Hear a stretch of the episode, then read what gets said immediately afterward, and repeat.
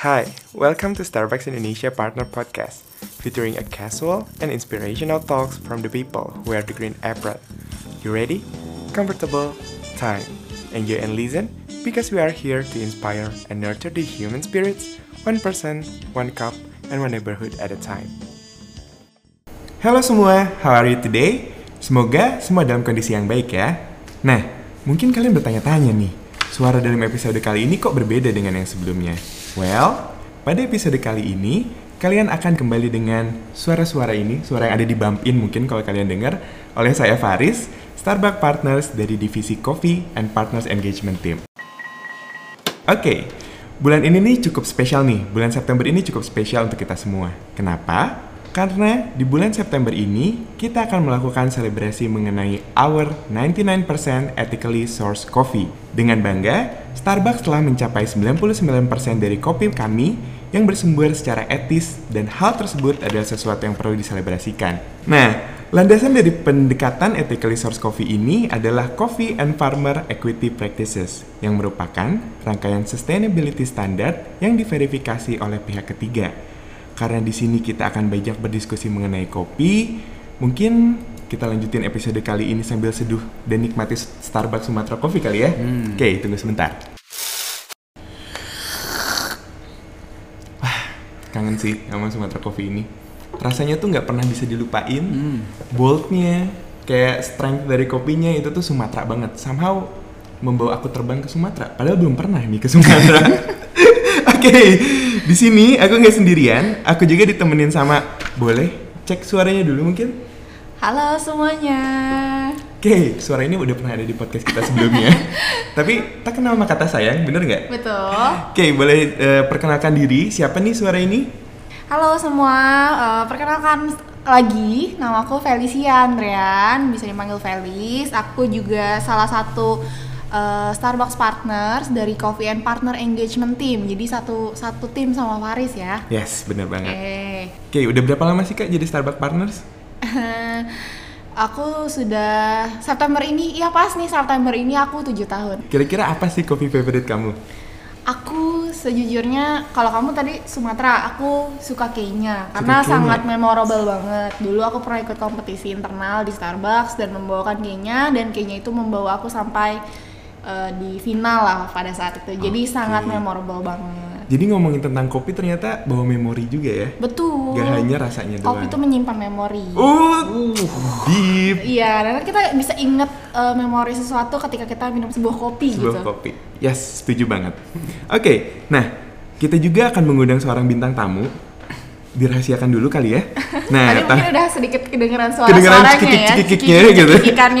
Oke, tapi sebelum kita perkenalkan siapa dia, episode kali ini kan spesial ya. Maksudnya kita akan ngomongin banyak tentang kopi nih. Iya. Gimana kalau kita bikin bump in spesial juga? Boleh, boleh. Boleh? Oke, tunggu aku mikir dulu. Gimana kalau tetetet tetet tetet Ethical Sourcing Series. Oke. Menarik ya, semoga memeriahkan selebrasinya. Semoga semangat ya. Semoga semakin semangat dengerin podcastnya.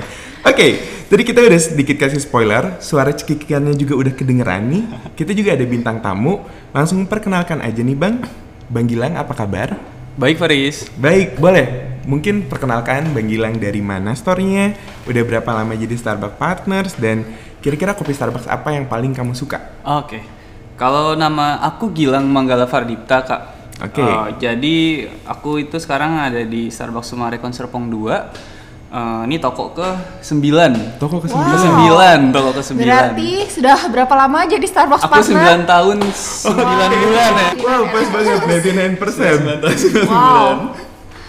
Oke, kalau kopi Oh, kesukaan iya. aku ini kayaknya sebenarnya sama kayak Felis. Eh, kenapa suka kayaknya ya?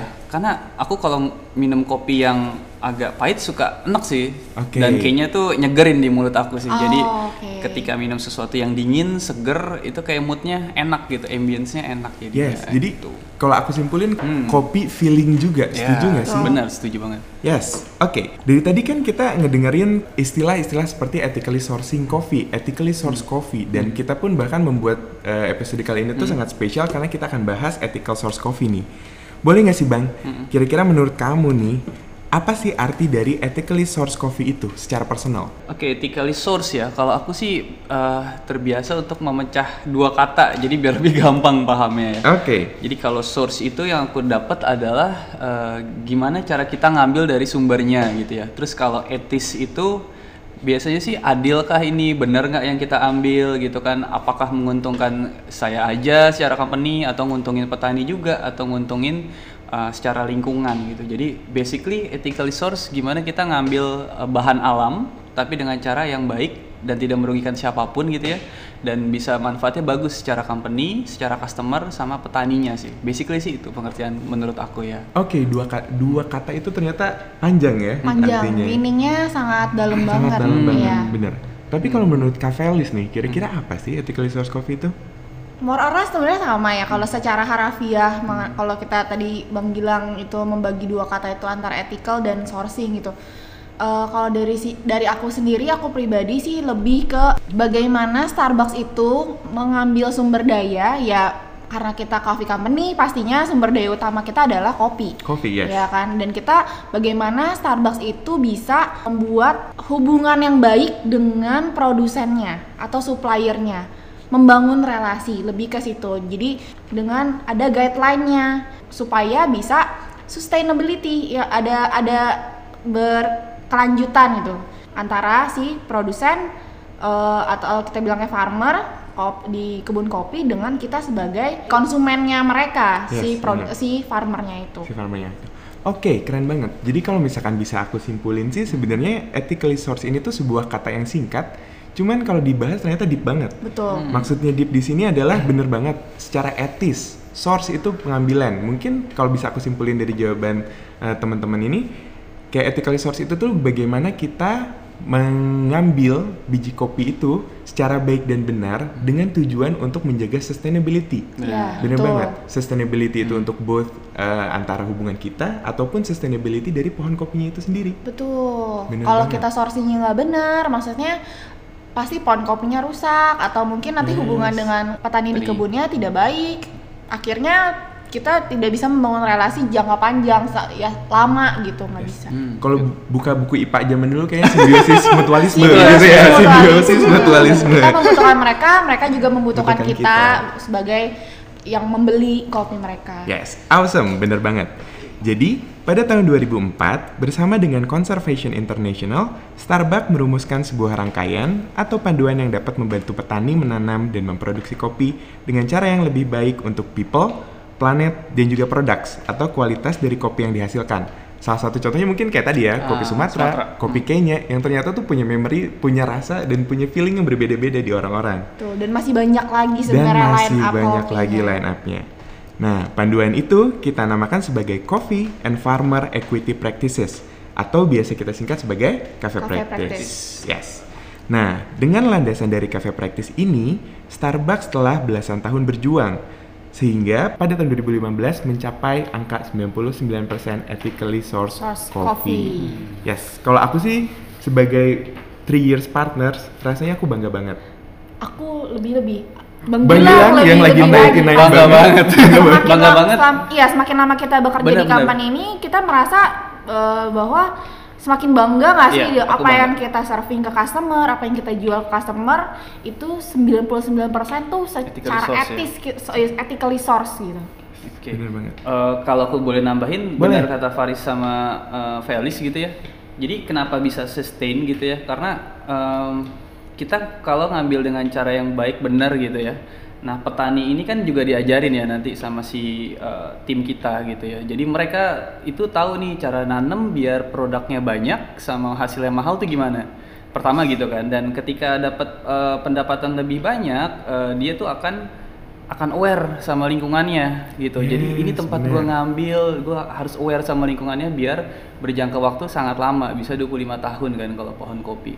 Jadi nanti siklusnya eh, si ethical sourcing itu ya kita akan peduli dengan lingkungan, menguntungkan petani, menguntungkan kita gitu ya dan kita biasa nyebutnya share planet sih ya kayak gitu. Jadi berkelanjutan terus berkelanjutan. bahkan ketika ada anak green bean dia bisa tetap menikmatin ethical source-nya itu sih. Mantap. Betul, betul, Bener betul, banget. iya. Nah, kalau ngomong-ngomong mengenai cafe practice nih, Hmm. Kak Felis, kira-kira ada berapa key area sih yang akan kita bahas? Ya, jadi mungkin yang belum tahu kali ya. Yes. eh, jadi Cafe Practice itu ber, berfokus pada empat pilar, Hmm. empat eh, segmen. Yang pertama itu adalah product quality.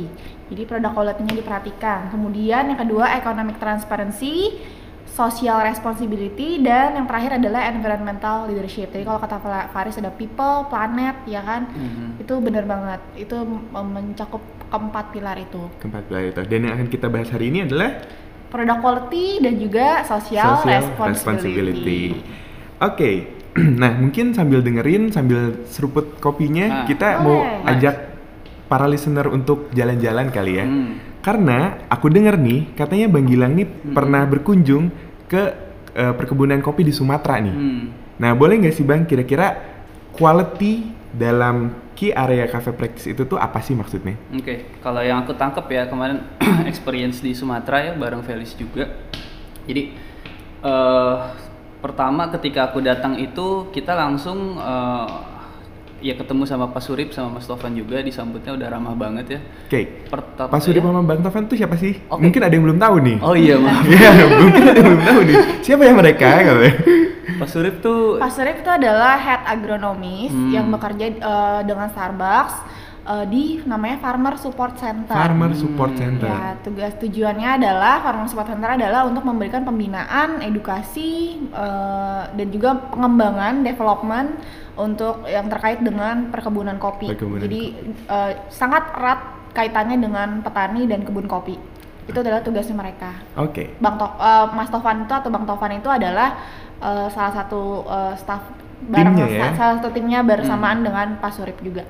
Oke. Agronomis juga jadinya. Sip. Jadi eh, experience yang didapat di Sumatera kenapa produk quality Em, ini jadi yang aku dapat ketika kopi itu disortir sih. Eh, jadi ketika kopi itu disortir eh, kita tuh ternyata di Sumatera ada banyak petani ya petani itu petani rumahan yang aku miss. Aku kira tuh petani gede semua. Hmm. Ternyata banyak ibu-ibu ya sama bapak-bapak gitu dia tuh bawa cuma sekantong plastik, Chris. Betul. Kantong Ah. plastik tuh kecil banget ya.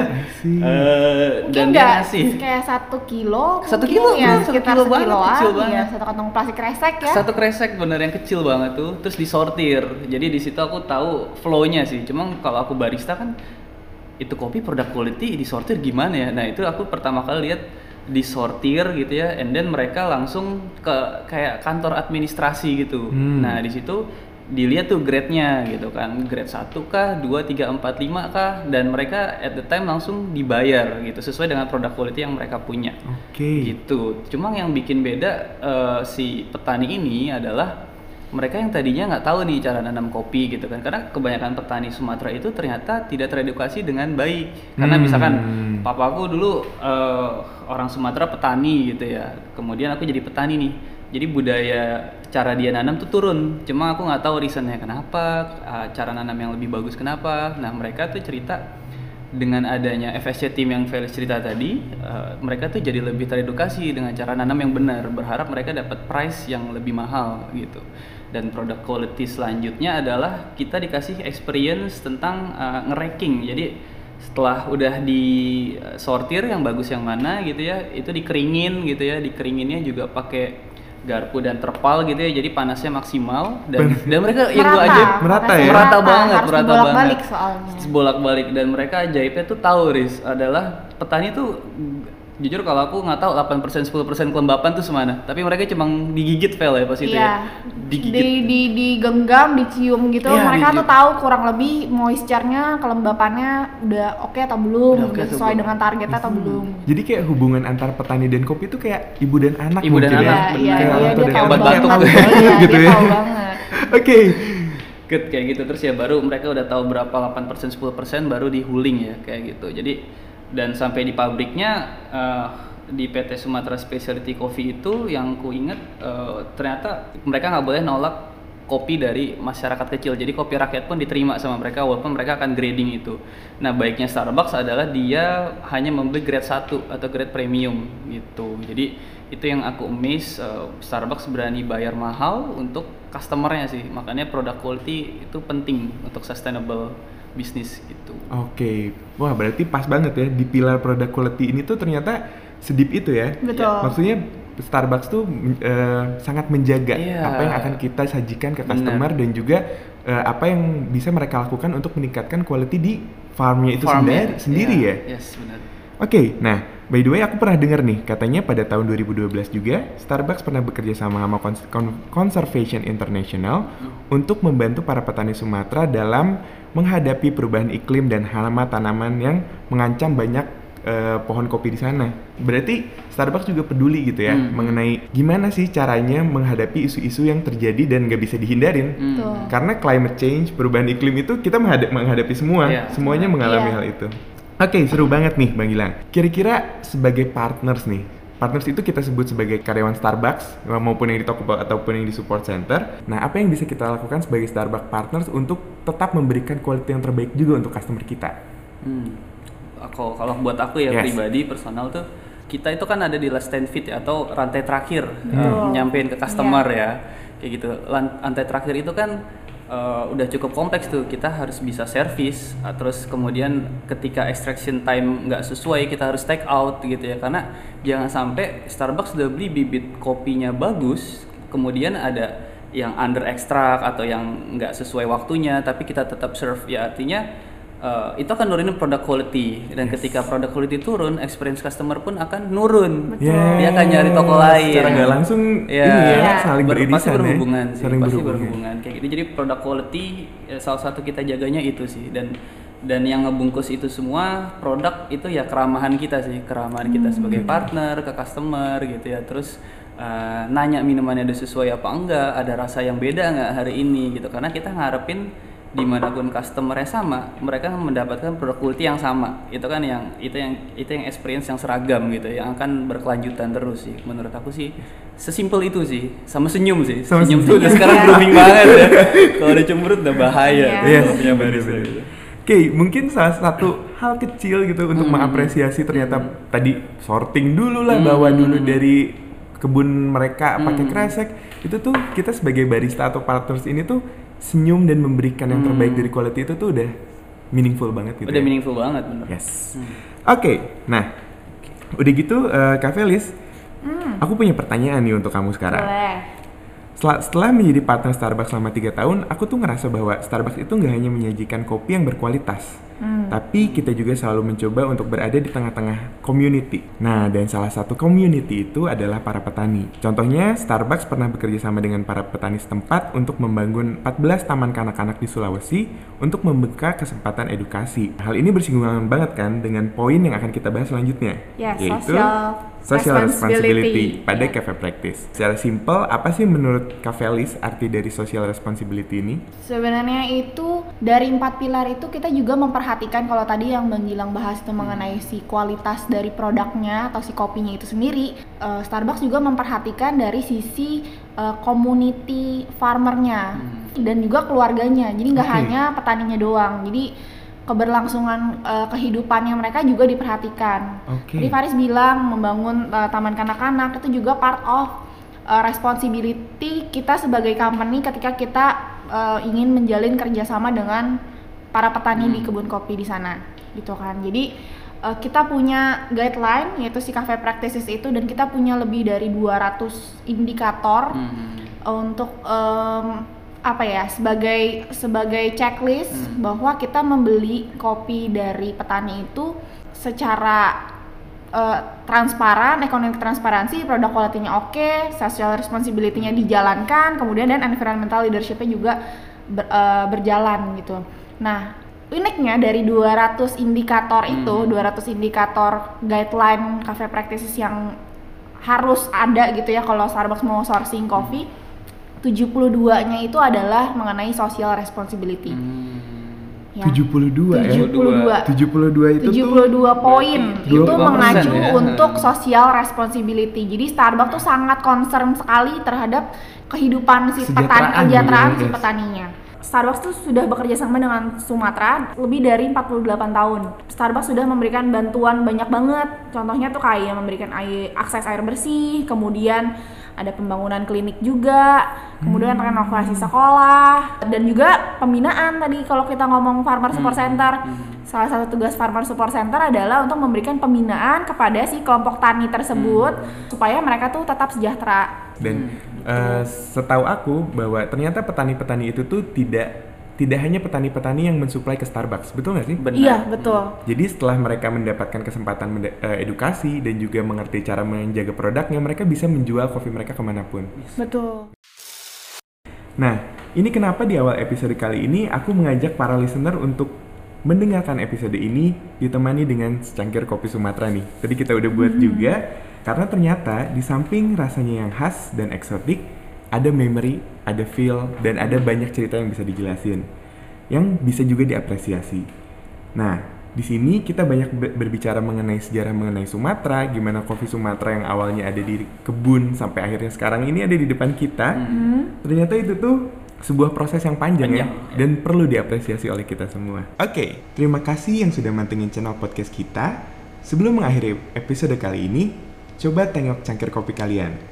Kalau masih tersisa, boleh perlahan habiskan dan pejamkan mata kalian. Bayangkan rasa kopi tersebut membawa kalian terbang ke kebun kopi dan berinteraksi dengan para petani di sana. Well, selanjutnya kita masih akan membahas mengenai kopi. See you on the next episode.